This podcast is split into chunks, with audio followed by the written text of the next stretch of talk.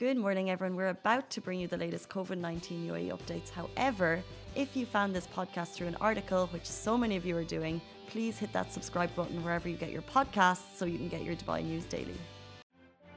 Good morning, everyone. Welcome back to the Lovin Daily, where I take you through the trending stories that everyone in Dubai is talking about. Today, we have a brilliant show lined up for us. We're talking about a survey that reveals the best companies to work for in the UAE. We're talking about two Irish women were arrested for refusing to quarantine. We also, very excited, in studio this morning, we have Holly Murphy, the woman who ran seven marathons in seven days across seven Emirates for Heroes of Hope. She's going to be joining the studio very soon.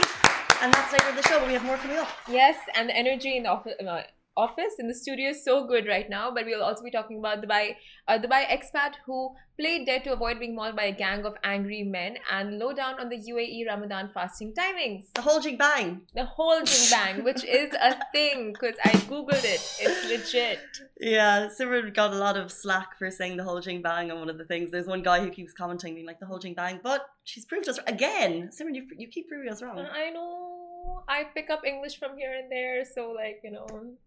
But it's someone said she bang. Someone's like it's not jing bang, it's she bang. I don't know. Yeah, the whole shebang. That, Shebang. that would be a phrase that I've heard of. Yeah, shebang? the whole Okay. shebang. jing bang is also a thing. It's But anyway, Casey, Casey, do you want to say it? I don't, I don't know the full story, so I think you need to lead us in. Okay, guys, we've been waiting forever for this. I think I think since 2004, this has been the most anticipated um, reunion, Friends reunion, and it's gonna happen next week. Just let it let it Sorry, soak in. this feels like a world exclusive. It is a world exclusive. A friends reunion. Yeah, The whole gang, the whole jing bang. the whole back Next week? No. next week. Yes. More details. It was supposed to happen last year in Yeah. May, but because of the lockdown and coronavirus and everything, they postponed it. And now, finally, after a year, it's happening next week. So, David Schwimmer, yeah. he was on the show with. Uh, he was on a reality show, not a reality show, and he was on some talk show, and he revealed that he is going on a plane, getting on a plane, and he will be filming the reunion next week with the entire Friends cast. And it's not gonna be like a scripted thing; it's gonna be unscripted. They're not gonna be playing characters from Friends. They're gonna be themselves and just talk. And David Schwimmer's gonna be David Schwimmer. Ah. Aniston is gonna be Aniston. Are they going to try and like step into their old character? Because that's kind of what I want. So I know that's what we all want. Like we just we don't want an interview between them. But like he said, there's So it's a friends reunion. So they're getting Yeah. for an unscripted interview where they talk about all their best moments. Oh. And he said there's a, a good surprise waiting for viewers at the very end. So I'm hoping there's some kind of, you know. The movie reveal. The movie reveal. Oh my God! Do you think? I don't know. Do you think? Like with all the kids, Monica's kids and Lisa's kids, and We deserve it after the year we've had. We honestly, it. we deserve it. I wish we could be puppet masters for all the actors that we liked and we could bring them together. They owe it to us. Chris Hemsworth. Like, you can come too. Brad Pitt, because he was anyway a cameo on the show. It's just That would be There were a lot of uh, actors that were cameos Cameos, that yeah. people don't, don't really Remember. like, no, notice. Yeah. And then they move forward. But All you know, cameos. now Jennifer and Brad Brad Pitt anyway have something going on, so might as well just make it a friends thing. There's been a lot of untruths in the show already, so No, seriously, there was some award show that happened last year. Did anyone see them smitten? Anyone else? Anyone else? I know the award show. I saw the photo. She looked Yeah. amazing, and he was watching her. And Yeah, I'm like, wow. um, but something going on might be a little bit. Anyway, Um, let's jump into our first story, guys. This may interest you. It'll give you inspiration potentially. A survey has revealed the best company to work for in the UAE. Now, the 45 best employers in the Emirates have been revealed by Great Place to Work, which is a management consultancy, and the results are in. Now, basically, they said that during the pandemic, they managed to create the balance between, I guess, um, the balance between business continuity while maintaining employee well-being. And they've listed a whole lot of them. Uh, do you want the top? Do you want to try and guess, maybe? Uh, definitely not Lovin Dubai. just kidding. Mistake. I would, just kidding. I, well, I actually called for me, Augustus. For me, I would say Augustus. But uh, what what is what is in the news? Well, it's- official. Well, it's interesting because I assume we are a small to medium company, so I don't think that we would sit in this bracket. So Oh, this okay. is this is like the big players, the big companies. I don't fully know how they define them, um, but of course, within the top ten, of course, you have Dubai Police. Oh. And we actually saw, we wrote a story about them hiring a little while ago. And I, no, we shared the video, which was a really cool recruitment video about them hiring. It got like Hmm. 90k views because it was made by Dubai Police. And then I went to write the story a little while later. I missed the ball on it, I won't lie. And all of the hiring positions were totally filled because as soon as they open a Dubai Police job with incredible benefits and amazing package, it's gone. I applied. It came rejected in like two seconds. Did you actually? No. I could see that. I could. I would love to see that. That would be my favorite video. Simran Me getting Dubai rejected? No, you working with Dubai Police. Oh, I would be on it. I would be so on. I would plan stuff just to catch them and get myself a promotion. Uh, just kidding. No, All the values Dubai Police are really working, looking for. Um, so Dubai Police Social Services Government, they were number six. Number five. I'm, now I'm imagining Simran in all of these roles. So number five, Simran, Hilton Hospitality. Is it? Welcome to the show. Number four, um, top employers in the UAE were actually five hotels. I got confused there because it's five hotels. Five Oh. hotels. That's surprising. Must Pretty have a lot of benefits. Must have a lot of benefits. Meals, uh, uh, offers on staycations, Potentially, offers on restaurants, maybe. offers on spas. I'm not sure. Offers but, of living. But what I what is interesting though is that we're obviously looking at this survey, which was taken over the last year during the pandemic. So all of these companies, I'm sure, retained probably a high employee rate. Do you know what I mean? It wasn't. I'm sure there probably wasn't a lot of job losses, and I think that's keeps Yeah. your well being when you keep your job. Um, moving on, number three is Chalhoub Group. Snap. Do you know Chalhoub Group? Yeah, of course. Like they have a lot of fashion brands under them. So I only say do you know it because uh, James works for them, so that's why I know. Oh, Yes, flex. discounts. Seriously, do you? Yeah, but it's the high end stuff, so I don't really. You get to share the discounts with friends and families and colleagues. No. I'm saying no, but yes, quietly. Oh, okay. I don't know. They're not my discounts to share. Um, I don't want them DHL, number two. And finally, number one, the best employer to work for in the UAE, as revealed by Great Place to Work, is the one. I went too soon with that, didn't I? The one. Uh, retail services, they're the place that you want to go and furnish your home with. Yeah, top Oh, employers. the one. I thought you were gonna say the one and only. the Ah. one. The one. The one. The one. Well done, guys. So your employers are very happy. You maintained employee well-being as well as continued business throughout the pandemic, which is no easy task. So congratulations. Someone saying DHL, where do you guys work? Does anyone want to shout out your employees? I enjoy loving it, loving working at Lovin Dubai. Same mm-hmm. here. I love it. Shout outs. Shout outs. Shout outs. Heroes of hope. Heroes of hope. Of course. This is it, guys. Where do you work? Let us know. Let us know. Give them a shout out or give them a shout out to say how bad they are if you want. Like expose everyone today.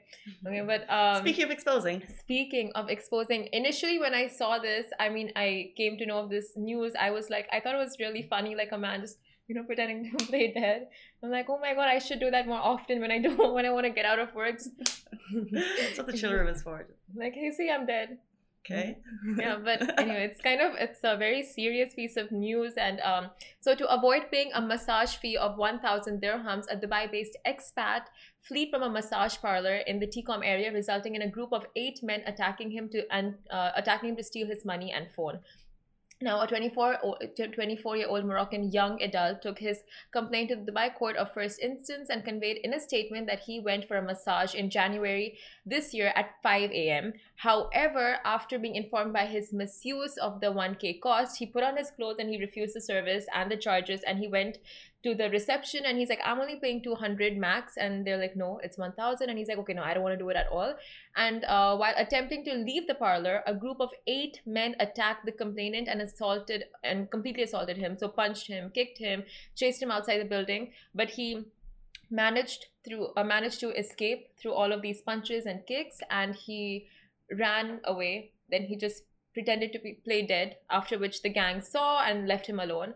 Then apart from the assault the gang also robbed the expat of 7k worth of belongings his smartphone his gold chain and yeah so all of that.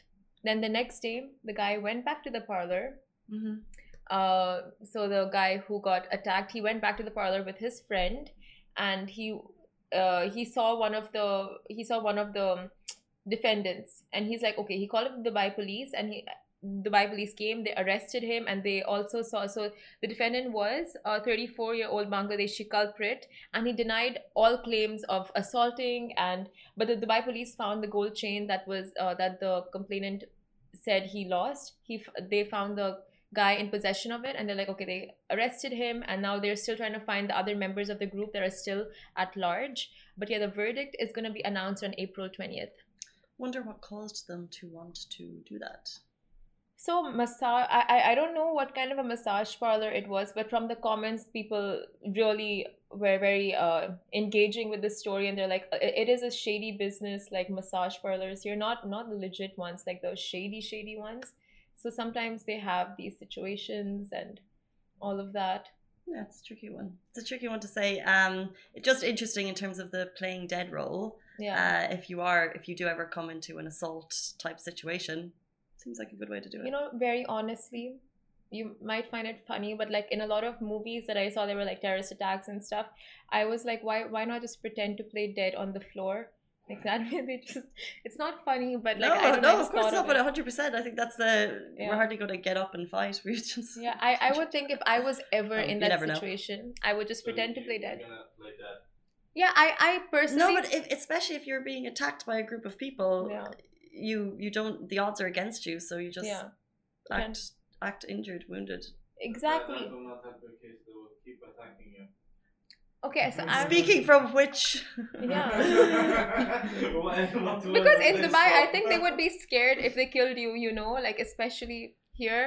You know, I'm saying it as a joke, but it's really serious. But anyway, I would think like if I were in a situation where I would like there was an attack happening, or pretend to play dead and somehow wait for them to come near me, pick up any sharp object near me, and just stab them. Like, Yeah. I can see someone doing that. Thoughts, Holly? Play mm-hmm. dead or fight? If you look at the school shootings, you know, in the past, yeah, students have had to play dead when when those attacks have happened, and they wait for the shooter to leave, and then they come out from it. That's how some of them actually survive some of those school shootings, which That's is awful because they're around their, you know, their peers who are passed out and are dead, and oh, they had to play dead, and that's how they survived with it. It's That the scariest Yeah. So situation to put yourself in, but it may be the it may be your only way out.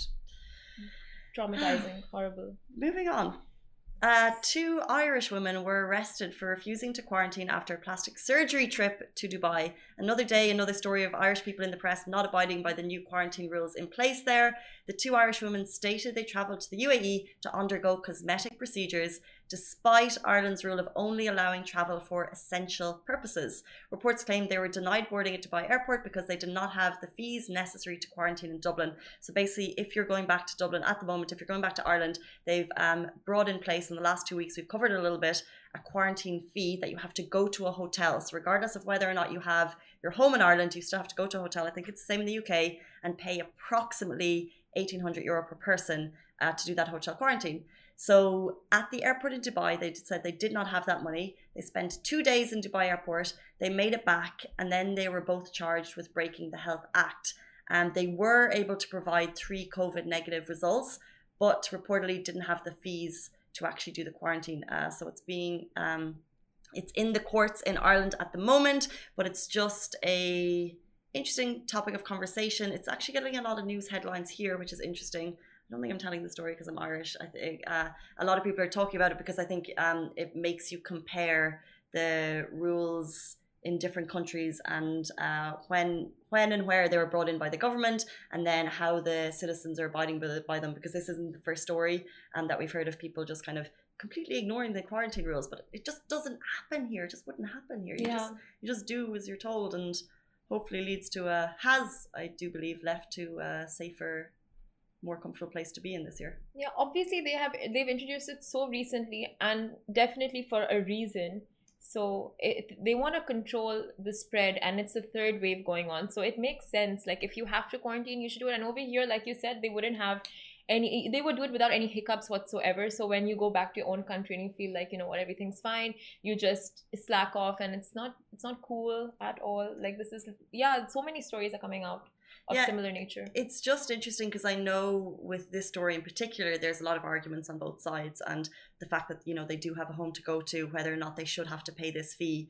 Um, but it's when it becomes law because yeah I think you you should have these arguments before and after. When it becomes law, I think people just have to abide because you have to trust in the government. You have to respect the rules of the country that you're in. yeah Um, and I think that's why things can work so well here because when something comes into place, you just do it regardless Exactly. of the conversations either side. But at the same time, you have to respect that the government is doing it. And let's say, for example, that the conditions that they'll stay in are habitable, um, that they'll kind of be well treated, that they have kind of, you know, yeah able to get out for fresh air, they have food every day. One of the articles actually that I read about the quarantine situation in uh, Dublin, they do get food packages sent to them. So the hotel provides them with food, from what I read. oh, of course, yeah. And I mean, like they are doing the best they can. And I'm sure if they go back to their own homes, I mean, I would assume that if you are sent to your home, you you do get like a little. Uh, you take that slack off and you you know think okay like I'll just go out I'll do this I'll do that but at least in a hotel they can monitor and they have uh like they properly can assure that no one is breaking quarantine so it makes sense i mean to me it makes sense Yeah, and I, I just think that this one in particular hit headlines because they had left the country. What they said was for essential purposes, but it was in fact for cosmetic procedures. So coming Yeah. back in, people have less pity. Anyway, anyway but moving on to lighter news uh here is a quick uh, breakdown of the fasting thing of the fasting timings in dubai and abu dhabi for the holy month of ramadan which will last for 30 days this uh this year now depending on the moon sighting ramadan is likely to begin on tuesday april 13th followed by eid al-fitr which is predicted to fall on thursday may 13th and fasting hours on day one would be 14 hours and 4 minutes so the fasting timings will be 4:43 a.m. in Abu Dhabi and Dubai on the first day of Ramadan and uh, until 6:47 p.m., which will be iftar. And by day 30, fasting timings will increase to 14 hours and 46 minutes. So it's starting next week. It's a, like people are already excited in anticipation of Ramadan. So yeah, of course, I think Yeah. we'll get the notifications from the government about working hours. I believe it's nine to four. Don't quote me on that. Um, but that usually, if you're doing a nine to six day, it goes to nine to four. And yeah, the city. This is an exciting month, it is leading into the most yeah. exciting month. And yeah, it's you for those amazing so much charitable uh, initiatives go on this month people just get become so giving and ho- it's just such a beautiful time of the year and we're gonna have our iftar big iftar list also out soon so if you're excited to have bonding sessions with the family we're gonna be giving out a bunch of places you guys can go and break your fast Yes, there's so many places. It feels like the city is 100% opening up again. Guys, that is it for the first part of our show, but stay tuned. We have much more to come. We will be joined by Holly Murphy from Heroes of Hope. We'll also be looking for cool places to try across the city. We have Rich in studio who's going to spin the I've Never Tried wheel in 30 seconds. And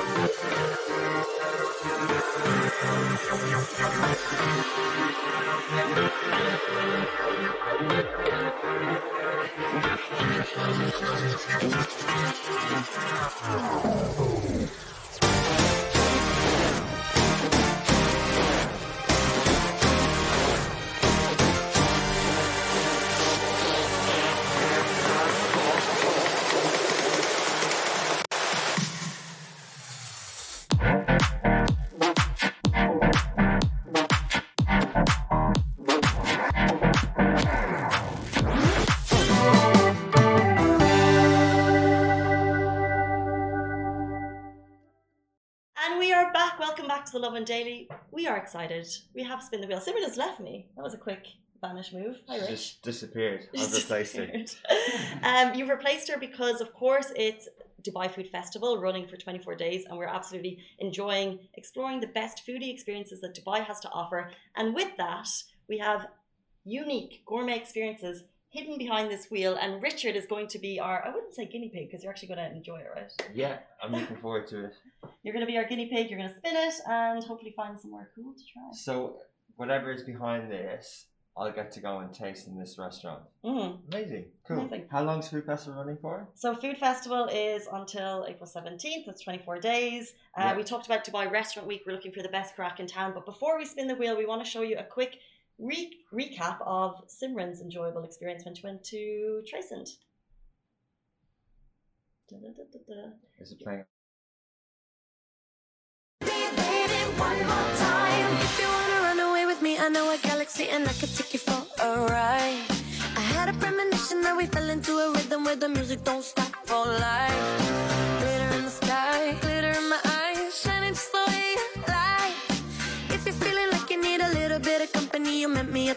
Perfect time.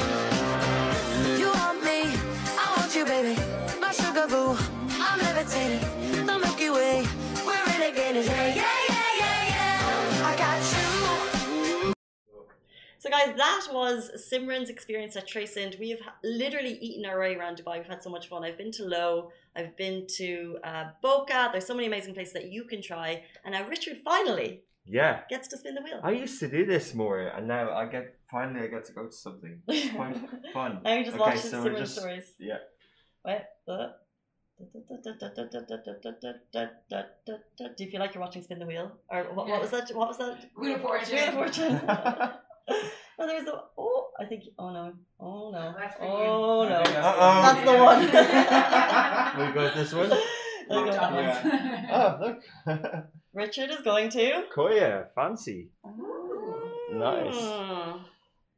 Okay, so when do I get to go? Uh, Someday this week. Someday this week. Okay. So as far as I know, Coya. So there's obviously foodie experiences. There's also restaurant week, so you can eat two and three courses uh, at different restaurants across Dubai. Simran did Trèsind it was only 150 dirham. This one could be 250 dirham for a three course menu, and obviously it's one of the best restaurants in Dubai. And So all these high end restaurants have good kind of packages for a restaurant uh, restaurant week. Okay, cool. Uh, a quick question. Yeah. Um, if you may or may not know, Richard is my brother, and our mom watches this show every morning, and she loves foodie experiences. I brought her to 3 Fils as part of Dubai uh, Food Festival. She absolutely loved it. She was asking the chef millions of questions. So, quick question, Rich, who are you taking? Um, I'm not It's sure. gonna kill me. Like I've just I've just found out that I'm going, so uh, and I've just found out where I'm going. So yeah, I um I'll I'll invite someone today. Yeah, thanks, Case. I'll let you know though. Good. And yeah, thanks for. I know, like, Mom is literally going to be commenting saying I'm available right now. Yeah, I know. All right. all We right. look forward Well, to seeing your thanks, experiences. thanks, thanks. Guys, Bye, stay tuned. bye. We have Holly Murphy joining us in studio in 30 seconds. Lovin Extra is here. This is the new membership, and while absolutely nothing changes for our readers, extra members get access to premium content, exclusive competitions, and first look for tickets and access to the coolest events across the city, and Lovin merch. If you subscribe right now, a very cool Love and Red Eco Water bottle will be delivered to your door. Guys, welcome back to the Lovin Daily. I'm joined by Holly Murphy, who is the founder of Heroes of Hope, an entirely non-profit devoted to people of determination here in Dubai. She works with sports clubs, gyms, trainers, all to ensure that children of determination can get active. And last week, she ran seven marathons in seven days to raise awareness and funds for her organization. Welcome to the show. Thank you so much for having me. Uh, not at all. First of all, massive round of applause. What you did Ah. was incredible. Thank you. Seven marathons, seven days. When did you finish up? Um, Friday. I finished up on Friday in Dubai on the Palm. Yeah, it was a wonderful experience actually. Because we actually had on the last marathon, we had um, a number of the heroes that came to the Palm and has joined in on the run. And we actually had two of the heroes who broke records. We got one young fella, and he ran the longest distance ever by any of our heroes. He ran he ran 11.5 kilometers.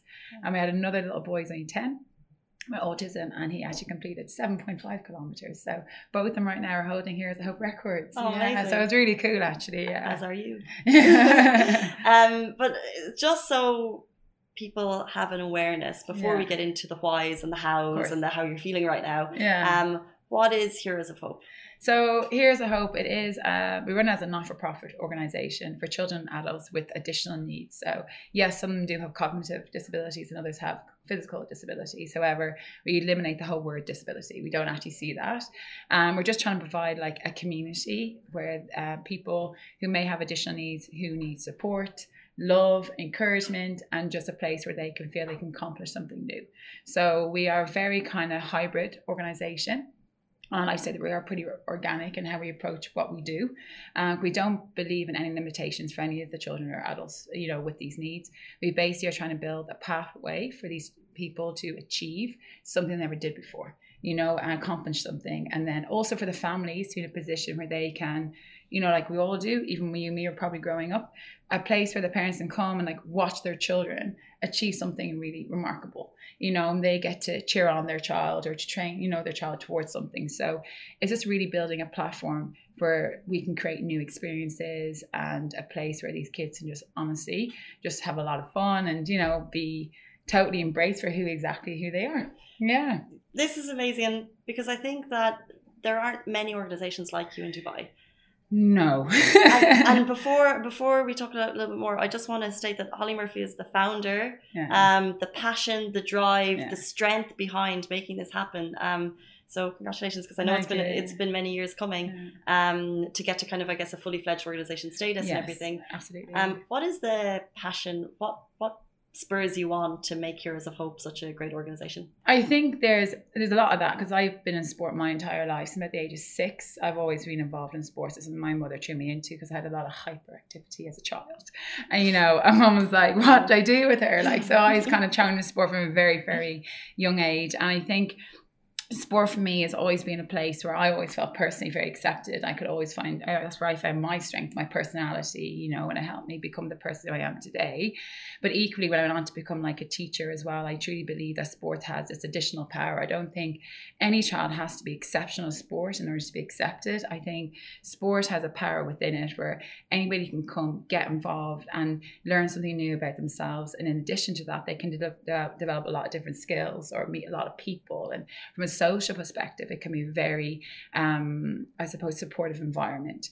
So I think through that type of experience, I just felt like people, particularly with additional needs, for some reason, I don't know why, along the way, I don't know how society works, but a lot of barriers have been created. And Mhm. often people see people with additional needs almost like a charity case or what they cannot do. We don't actually show off what they can do. So through my own experience, particularly training to be a teacher, I always chose, you know, that area. You know, that was really engaged me. That's where I wanted to work out systems where we could create a pathway for people with additional needs to be able to excel, whether that's through sports or in other ways. So I was always fascinated by it. I always worked in that area, even from about the age of 16. I started to get really involved with it as a volunteer coach myself back at home in Ireland. And then that transferred over to the UK as well. So when I came out here, it's something that I just you know, wanted to continue, but I actually couldn't find many children with special needs when I first came out here 12 years ago. Um, so That's such an interesting statement. yeah, it was. It was quite interesting. And I was like, this is, you know, I kind of had suspicions that there were some children in the schools I was working at that may have had needs, but it wasn't highlighted. It wasn't something at that time that people were overly comfortable talking out loud about. However, over the last 12 years, I have seen a complete 180 in this, you know. Um, it's something that we are very vocal about. Something that support systems are coming into place, and it's something you know that's very topical out here at the moment. So, Mhm. in terms of progress, I think the UAE should be very proud for what they've achieved over the last couple of years, and hence why some like Heroes of Hope now we've come to the forefront. Um, but during my experiences out here was I did actually start to volunteer at some centres out here, where for me, from a personal level as well, I gained a lot of experience and insight into the community and to people's lives out here and the families and what they were going through. And I think just coincidental when I got more attached to the families and you know their stories you know I really wanted to be able to give back. I really want to play something you know for the children because these children are outstanding. You know what I watch these kids achieve on a day-to-day basis it's truly remarkable and inspirational. It's not even just about the children it's the families it's those parents. The parents for me are the hidden heroes. It's Really? not me it's not the coaches sometimes not even the kids it's the unconditional love these parents give these children, the amount of support they're giving their children. You know, it is remarkable. Like as you already know, like being a parent, like I'm not a parent, but my sisters are, you know, and they have a pretty tough job on a day to day basis and with their own kids. Yeah. You know, being a parent is definitely a hard job. It's a full time job.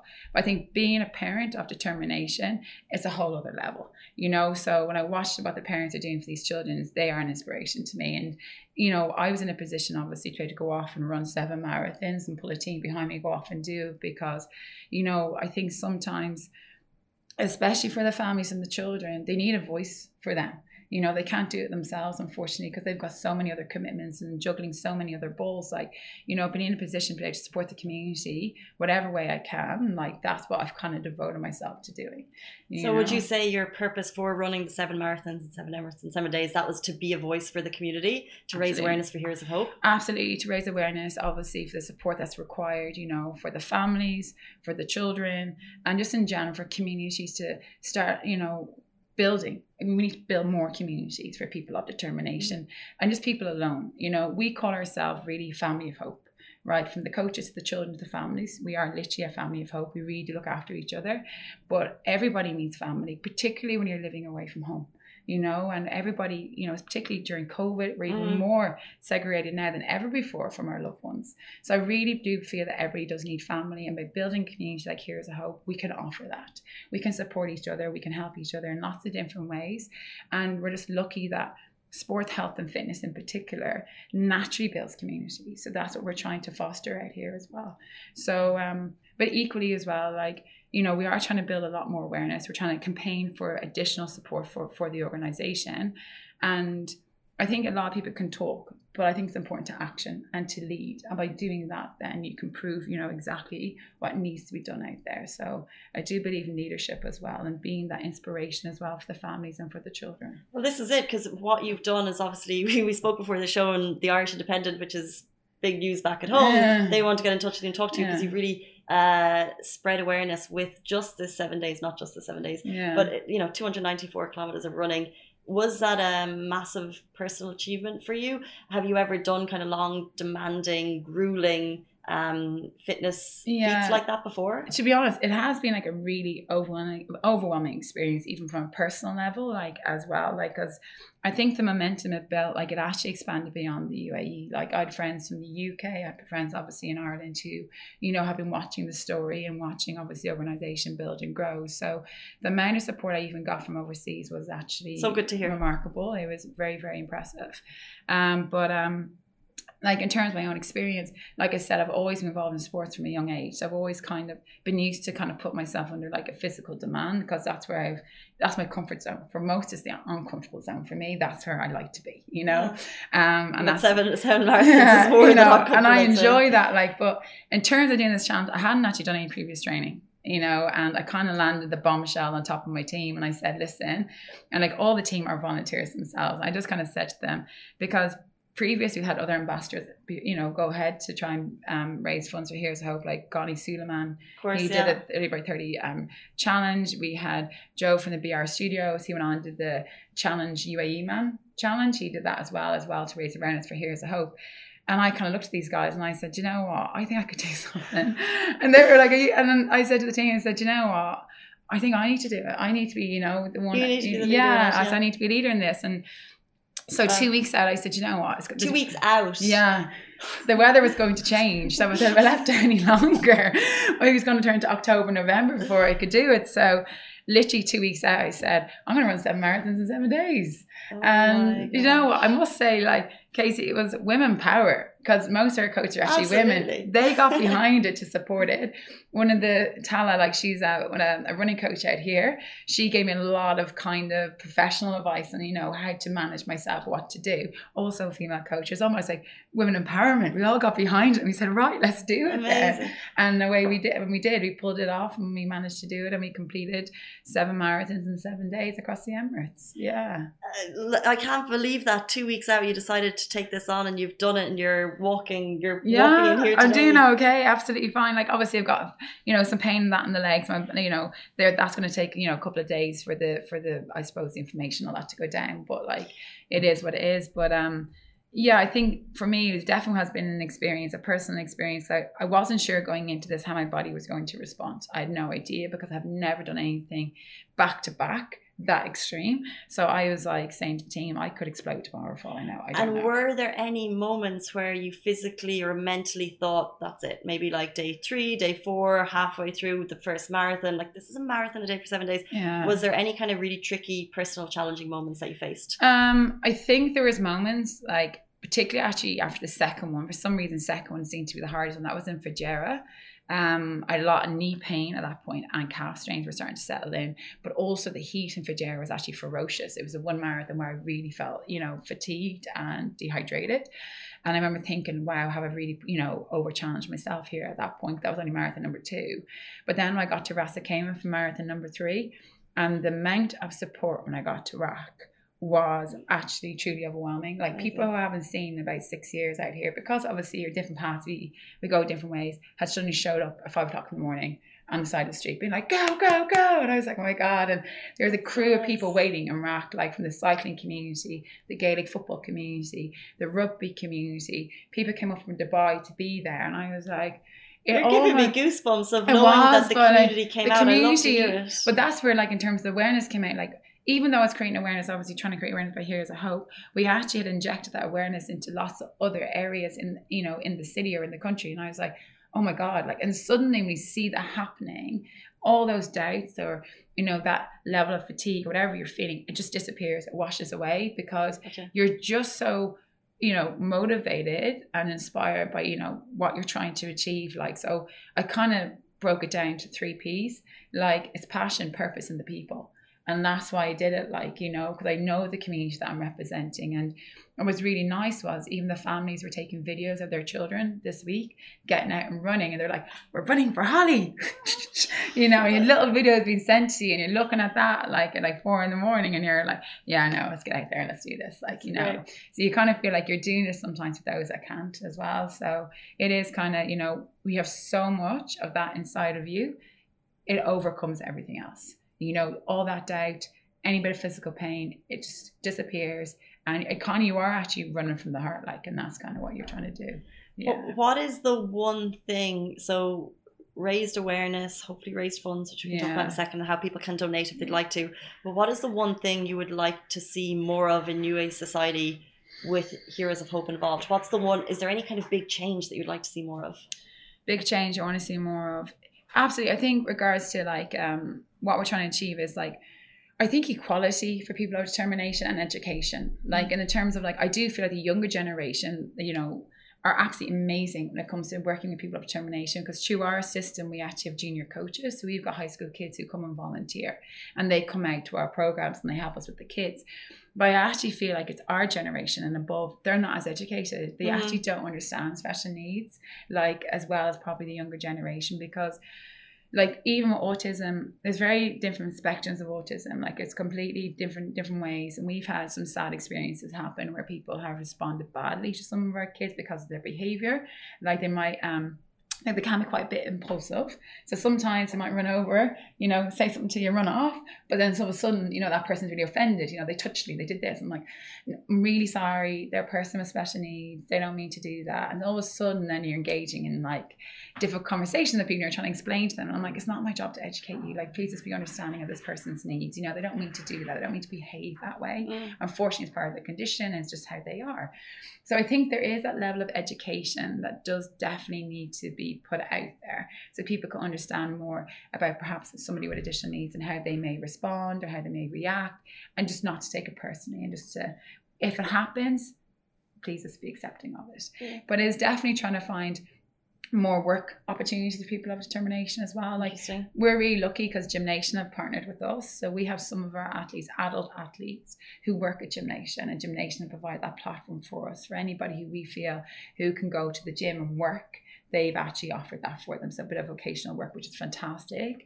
And some of our older adults, they absolutely love going to Gymnation, and they the staff at Gymnation have been fully accepting, you know, of our gang, and they're like giving them high fives, and you know, our kids, they or I say kids, they're not kids, but like they love to go. Like, you know, they're like, we're off now to work. And I'm like, how was work today? Yeah, it was great. you know, and they just, they love it. Like, they've had such a positive experience there. And that's what I want from them. Like, I want them to have positive experiences. I want people to take the time to get to know them, understand their characters, their quirks, and just see past the label and see them for exactly who they are. And that's all it is. I think at the end of the day, as people, we are all individuals. You and me are totally different. How you might do something, how I might do something totally different. It's the same for people with termination. They actually are very, very same as us. They're just individual, and we need to accept them for their individuality. And rather than labeling, we look past that completely. In Mhm. fact, eradicate it. You know, and I think eventually in time i think that will eventually happen but for now we're still in a process of figuring out how we can support them properly but it's happening. And like i said that progression is starting particularly here in the uae and what they're providing and how they're trying to go about it it is it's pretty remarkable right now yeah Hundred percent, like you said, you arrived here twelve years ago, and how the landscape has Mm. changed in terms of even recognizing. Oh, absolutely And now in schools, I know that they're highlighting a lot more, rather than you know, there's a lot more uh, resources provided and stuff Mhm. for children with discrimination. So it's great help. It is, and like even recently, like the malls now, they've actually put out like a sign to say this is actually between this hours and this hours. We talked about this yesterday. Yeah, so it's for the autistic people with autism to go in, like you know, because they do have sensory needs, and that's another thing is if they hear a loud bang or loud noise, they can suddenly react and get Yeah. really impulsive, or they might lie down on the floor. And if you're in public and that starts to happen, people might look at you and be like, "What are they doing?" You know, I'm like, no, you know, it's a personal determination or whatever. Um, but it's nice the fact that you can actually now parents are in a position they can bring their children to a mall. This is You huge, know, and this isn't happening in other countries. And the fact that UAE UAE's brought in, I think it's an hour a week, especially in Yas Mall, a couple of malls in Abu Dhabi. I think it's wonderful. Yeah. And it's so so so great for the families to be able to do that, and equally for for example people with termination as well to learn to be in a mall, to learn how to go into a shop and to learn maybe how to close shop, how to food shop. You know, you know how to use an escalator, how to use the trolleys. Like it's such a learning experience as well for them because often you know they cannot go to the mall. It's too busy. Even me, I get over sensorized in a mall. I'm like, oh my god, the me out of here. It's so busy. Yeah. You know, it's just too much. Don't probably put me down Grafton Street in Dublin City on a Christmas day. I can't be dealing with that. Like it's too many people. Like, and I'm like, oh my god, get me out. Like, but it's even more overwhelming for somebody say, you know, with an additional need, it can get very, very difficult for them. But also, and that's a hardship on the parents then, because then they have to figure out times. So this really absolutely, opens it up for them. Mm. absolutely, and even now they've brought in the cinema as well. Like, you know, there's a sensory cinema now as well for children with autism Oh, as well. Like in the past, I've tried to bring some of my athletes to the cinema. I've had them escape at the exit because they can't stand the noise of it. It gets too overwhelming with the picture and the lighting's getting too much. And again, at the cinema, I was asked to leave one day, and I was like, I'm not leaving. He's actually autistic. If he wants, if he needs to get up and walk around for a bit, he will. You know, and it's kind of the experience that we happen to have sometimes. But it's not anyone's fault. It's just because we haven't been educated or 100%. been more aware around those type of things. So I'm hoping moving forward, then, like you know, that as a whole society or as a culture, not just here in the UAE, it's a global thing. This isn't just about the UAE. Because even when I've traveled abroad, like I've always made an effort because that's just in me to go and visit special needs centres abroad as well for my own kind of understanding what's going on. I mean, places in Thailand, oh my God, Africa, and the things that you see, like you just walk away and you're like, how can you even start to help? You know, and it's just, it's not just something here in the UAE, it's everywhere. People with special needs exist globally. Mm. It's part of, you know, human beings. Like that's it's going to happen. But rather than try and put them away, we need to accept it, we need to learn about it, and we need to develop a system where we can embrace them rather than segregate them. And that's where it 100% is. and eradicate those labels. Absolutely, yeah, hundred percent. And like I said, accept them for the individuals they are, understand their personalities, and when that starts to happen, that's when you start to move mountains. You know, and that's what we do at our programs. It's like we have a lot of children. We've got over 187 children, and it's growing. It's increasing, and we are trying to figure out a system how we can meet demand because you know we want to be able to take on every single child, but every single child that we have, they all access learning or sports completely different. So we try to make it as personal, Personal, as individual. possible, Mhm. you know. And even though we might try and create lots of different activities and games and different ways for the kids to work, we still try to personalize as best we can. How I teach one kid is totally different how I might speak to the other kid. You know, one kid I might have to be super strict with, the other kid I might have to be super funny with. So you have to constantly have be to very, learn. yeah, very flexible in, in your learnings and teaching with the kids. But once you develop that ability to do that and you get to know the kids, it's awesome. I have one little kid and he's so funny. Like he has such an imagination, and you know, some days I'm putting down the cones, you know, to do activities like jump over the cone or step over cones. And he's like, "It's the monster's teeth." Okay, yes, it's the monster's teeth. He's like, "We have to go over slowly. We don't want to wake up the monster." And I'm like, "You're exactly right." And that's amazing the thing imagination. rather than trying to tell them to come into our world, you have to go into theirs. You have to have to because that's the thing and the beauty of their brains is they do see the world in a very different way. And sometimes how they see the world is better how you see it. Like they're very optimistic and very positive. They don't feel any jealousy and they don't actually have any anger. The only reason why they might attack is a sensory thing. It's not Mhm. because they're angry, it's a sensory thing. So sometimes we're embraced and you go inside their world and you see it through their eyes. It's actually a very, very lovely place. You know, and I always find that I've learned way more from them than I than they've learned from me. You know, the way I've de- de- developed my style of coaching or teaching and leading has come from being around them so much. You know, and I've tried to adapt according to, you know, to their world as opposed to mine. That's amazing. Yeah. And you say you're you're you have 187 kids and Yeah. you or want people to, of determination. people, people of yeah. determination, sorry, and you want to expand obviously to um, be able to facilitate as many as you can. Yeah. Um, and just kind of before uh, before we leave you guys, we're talking funds and raising Absolutely. donations, Yeah. and obviously that was one of I'm sure one of the reasons that you want to raise awareness is because you need and you became what registered in 2019 19. officially. Yeah. Um, so now that obviously uh, fundraising is a lot easier in the UAE. it is. So how can people? Um, first of all, is first of all, how can they donate if they'd like to, if they're inspired by your story, and also secondly, um, is there any other way to donate time or maybe Yeah. if someone has like a certain facility that you could use Absolutely. or partner with, is there any way people can get in touch? Absolutely. So at the moment, we actually our, web, our website is under construction at the moment. We're redoing it again. We have to revamp it again.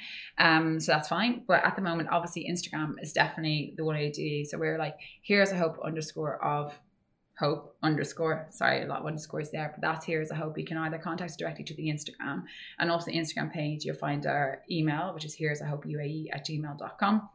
And also we've got the the WhatsApp on that as well. So people in particular can definitely, you know, use those as trying as best we can. We'll get back to you because we are a voluntary organisation, This is the including. And myself. how many volunteers do you have? We have at this point about 52 volunteers at the moment, including myself. Like all my time points here, the hope is actually voluntary as well. So I'm doing whatever I can to keep my head above water. But like, yeah, so everybody's involved in the organization is based on voluntary, you know, you know, people. So we try and get back as soon as we can, but it can take some time.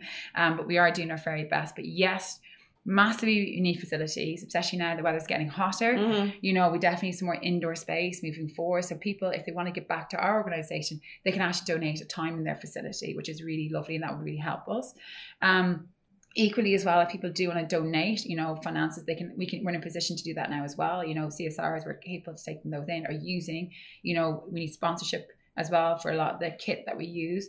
Um, you know, we do need support with that one. Equipment in particular because we need a lot of specialized equipment based on some of the, the abilities that we have. So we constantly need to do that.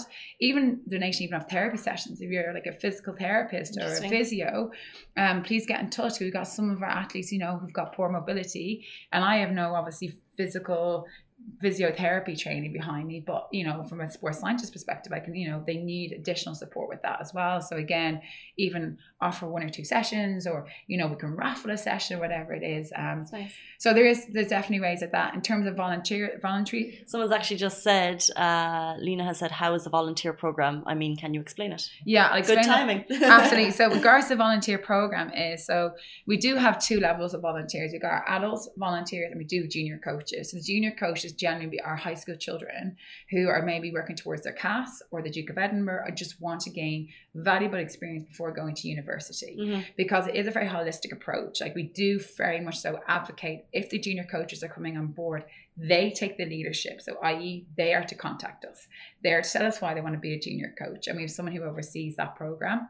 Mhm. So, and we also do workshops with the junior coaches to teach them what we expect from them when they're under our organization and the do's and don'ts with our children because obviously they've never worked with people of termination so we need to explain to them perhaps their behavior what's going to happen so they're fully prepared before they even come Great on learning board experience well. Absolutely. And then once they get involved with us, then they naturally build a relationship with the kids. So that's really nice because now suddenly you've got mainstream and special needs unified. They're together and they look beyond, naturally look beyond their label. They're like, I'm just going to work with Alex today. I'm like, yeah, you got Alex. And they're like, cool. You know, they're happy out, like, and it's perfect. Um, in terms of of this of the adult volunteers is we are being inundated with adult volunteers getting on board now. The only thing at the moment is we're very regimental and military with this is because we do need consistency. Or, and the reason is because the nature of the people that we are working with is they're very routine and they are very structured. So they like to have the same coaches at the different programs. So if people are going to volunteer, we need that to be a consistent volunteer base. So if you're going to choose to come down once a week to, for example, our running program, then we expect you to be there once a week for the running program, Yeah. not just show up and then we don't see you for three weeks and you try and come back again.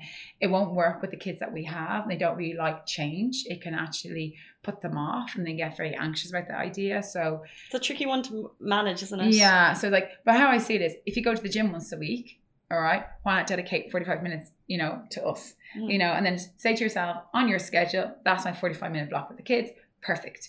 It's not that we need you there for two, three, four, five hours. Obviously, we've got volunteers who are so um, invested in what we do. They are there probably at a lot of the programs. But if you're someone that can put in like an hour a week, just once a week, and you can definitely devote your time to that, fantastic, brilliant.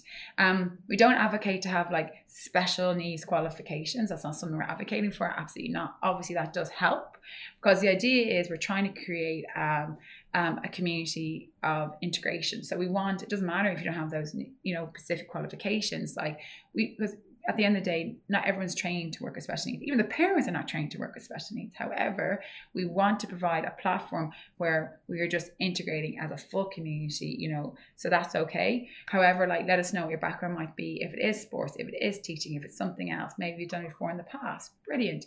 But um, like I said, as and when the programs start to grow, we can then start to bring in more volunteers. The program will only grow if we've got more facility space. So it's all a knock on. Facilities, funds, Yeah. um, prizes that we can raffle to get people Yeah, involved, absolutely. volunteers. Yeah, and like I said, even vocational work. If you're someone here and you have an office and potentially you could bring somebody in to do some vocational work with you, even once a week, you know, internship programs for some of the adults determination we have. We've got some really spectacular adults determination. Like they really are awesome, you know, and it'd be great as well to maybe have one or two people come, you know, bring them into the office maybe once a week. They can help you with bits and pieces, you know.